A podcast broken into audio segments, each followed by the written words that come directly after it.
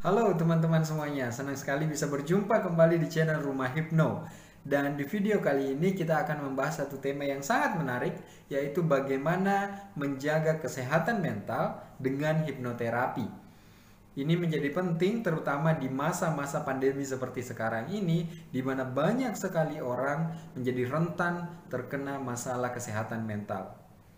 Nah, kebetulan beberapa waktu sebelumnya kami dari Rumah Hipno Indonesia sudah pernah melakukan webinar yang diikuti oleh beberapa peserta dari seluruh Indonesia yang secara khusus membahas tentang kesehatan mental ini. Nah, pada video kali ini saya akan share rekaman video webinar tersebut. Semoga bisa bermanfaat buat teman-teman lebih banyak lagi yang pada waktu itu belum sempat join. So, bagaimana videonya? Langsung saja, ini dia. Ya, oke. Okay. Ya, di layar sudah tampil dari admin. Uh, tapi sebelumnya saya jelaskan lebih jauh. Ya, ya ini dia. Nah, tubuh, tubuh, pikiran dan perasaan itu saling terkait satu sama lain. Nah, ketika tubuh sakit, maka pikiran dan perasaan terganggu. Begitupun ketika pikiran-pikiran kita stres dan sebagainya, maka juga mempengaruhi terhadap perasaan dan uh, tubuh kita. Begitupun dengan perasaan ketika perasaan lagi tidak tidak enak, emosi, marah, benci, takut dan sebagainya, maka itu akan mempengaruhi sistem terutama misalkan pikiran kita tentu kita tidak akan jernih pun akan merasakan perasaan-perasaan tertentu entah itu Eh, keluar keringat dan sebagainya. Salah satu saja yang yang merasakan gejala atau merasakan sesuatu, maka hal yang lain pun akan ikut merasakan. Nah, hebatnya lagi adalah ternyata ketika salah satu bagian dari diri kita ini mengalami masalah, maka tidak mesti harus mengintervensi bagian itu. Misalkan tubuh kita mengalami sakit. Sakit di bagian tubuh tertentu. Nah, tidak mesti bahwa kita melakukan uh, atau pengobatan pada bagian tubuh. Itu bisa dilakukan terhadap bagian yang lain. Nah, contoh berpikir, pikiran kita kita kira untuk selalu berpikir positif, selalu uh, mengupayakan agar lebih maka uh, secara langsung itu bisa menjadi kondisi fisik fisik kita atau harus secara langsung terhadap kesembuhan kita. Nah, nah ketika tubuh kita sakit, namun kita bisa menjaga perasaan kita, kita merasa nyaman, bahagia, menerima sakit itu, eh, apa pun yang terjadi dengan tubuh kita, misalkan kita terima dengan perasaan yang ikhlas, maka itu akan sangat berpengaruh terhadap sistem kesembuhan kita. Nah, sambil terus mengupayakan hal-hal yang berhubungan dengan tubuh itu sendiri. Ketika satu bagian yang sakit, itu tidak mesti eh, kita melakukan intervensi hanya pada bagian tersebut. Kita dapat melakukannya di bagian yang lain karena seluruh sistem ini seluruh sistem ini itu terkait satu sama lain. Ketika satu diintervensi, maka yang lain juga akan ikut terpengaruh. Nah, lalu bagaimana caranya? Bagaimana caranya? Itu ada di slide berikutnya.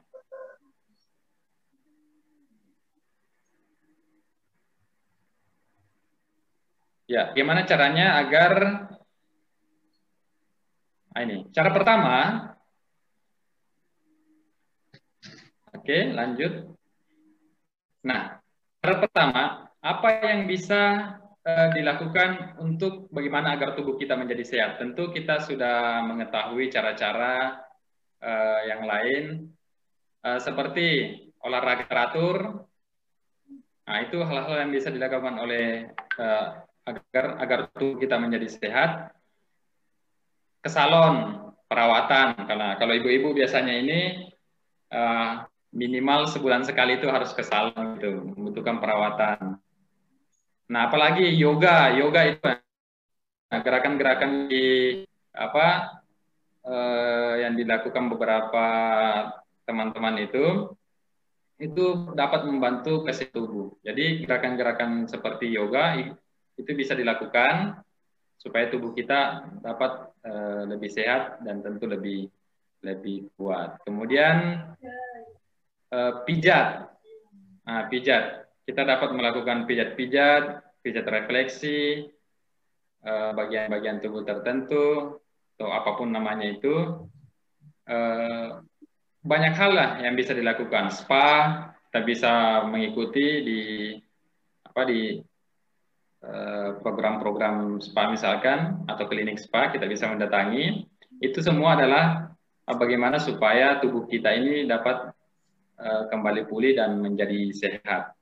Pijat refleksi bahkan mandi air laut pun itu sangat disarankan agar tubuh kita menjadi sehat gitu. Nah, itulah eh, intervensi-intervensi atau hal-hal yang bisa kita lakukan terhadap tubuh kita. Ya. Nah, lanjut ke bagian yang lain yaitu pikiran. Nah, apa yang bisa kita lakukan terhadap pikiran kita? Itu yang pertama yang bisa kita lakukan adalah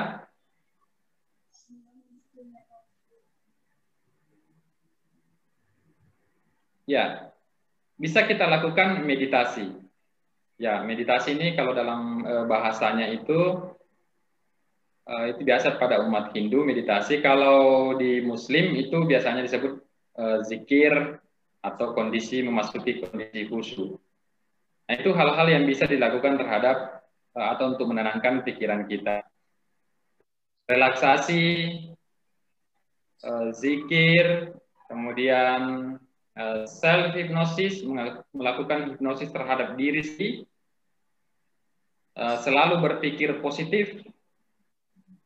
Ya yang terpenting adalah uh, hindari stres.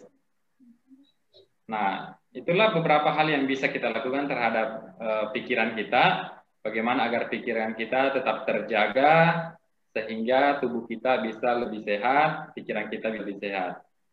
Nah kalau kita menjaga sistem ini bahkan ketiga sistem ini maka secara keseluruhan tubuh, pikiran dan perasaan kita, kesehatan mental kita itu bisa terjaga dengan baik. Meskipun kondisi apa pun itu, jika kita bisa menjaga kesehatan mental kita, bisa menjaga tubuh kita, pikiran dan perasaan kita, maka kita akan mampu melewati. Apalagi di masa-masa sekarang adalah masa pandemi, Eh, semuanya ter, terpengaruh ya, baik itu dari finansial, uh, sosial politik, agama, bahkan uh, tubuh kita dapat terpengaruh.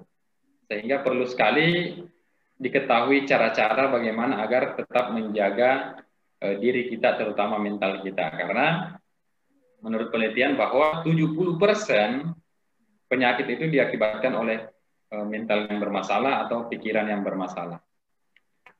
Nah, apa yang dilakukan terhadap perasaan kita agar menjaga perasaan ini bisa dilakukan dengan cara eh, hal-hal yang berhubungan dengan spiritual, misalkan istighfar di setiap setiap saat atau setiap kondisi kita selalu melakukan istighfar atau uh, merenungi dosa-dosa uh, atau salah kesalahan kita baik terhadap diri kita sendiri maupun terhadap orang lain. Nah, yang yang bisa kita lakukan selanjutnya adalah melepaskan emosi. Nah, ini penting sekali e, melepaskan emosi-emosi yang tertekan. Emosi-emosi seperti marah, e, takut, e, benci, dendam dan sebagainya itu jika disimpan itu akan sangat berdampak nanti terhadap pikiran, akan terhadap uh, tubuh seseorang.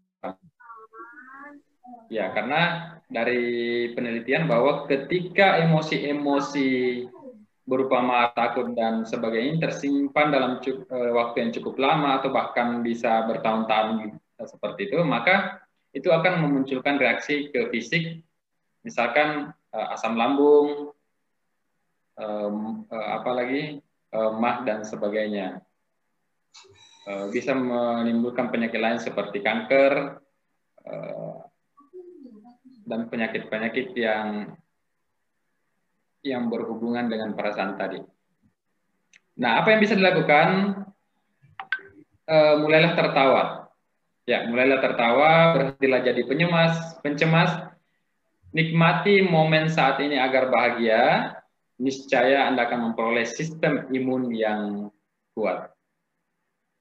Nah, itu itu pertama yang bisa. Jadi kita boleh memilih salah satu yang bisa kita lakukan. Kita mengintervensi tubuh kita seperti olahraga teratur, pijat, mandi air laut dan sebagainya. Ataukah kita mengintervensi pikiran kita seperti melakukan meditasi-meditasi, uh, relaksasi, zikir, self hypnosis, menjaga agar uh, tetap berpikiran positif dan menghindari stres, ataukah mengintervensi perasaan kita, yaitu dengan cara meluapkan atau melepaskan emosi-emosi yang tertekan, serta meningkatkan emosi-emosi yang yang positif seperti bahagia, senang, uh, tertawa, dan emosi-emosi positif lainnya.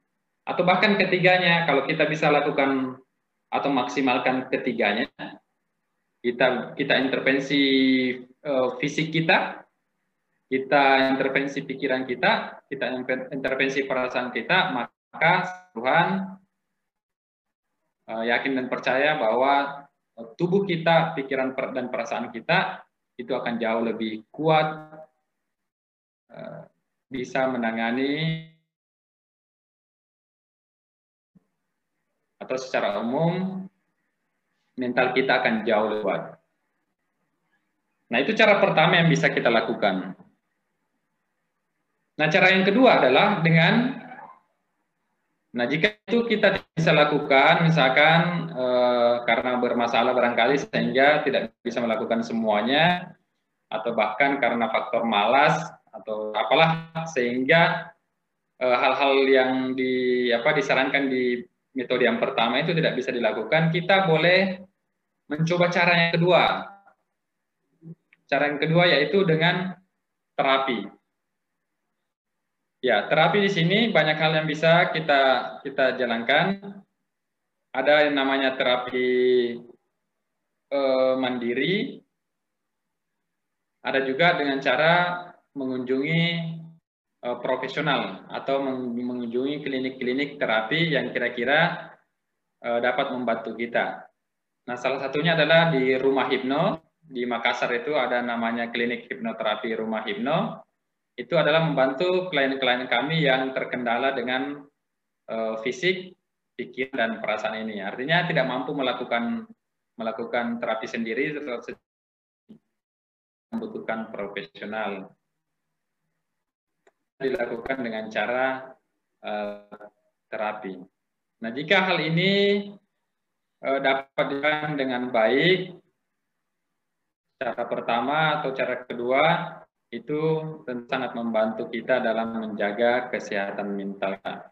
Nah, apalagi ketika kita mengenal yang ada dalam diri kita itu seperti ini yang di layar Eh, terkait dengan energi dan sebagainya, maka tentu jauh lebih baik. Namun kali ini untuk di webinar kali ini saya tidak akan membahas lebih jauh tentang uh, sistem energi ini.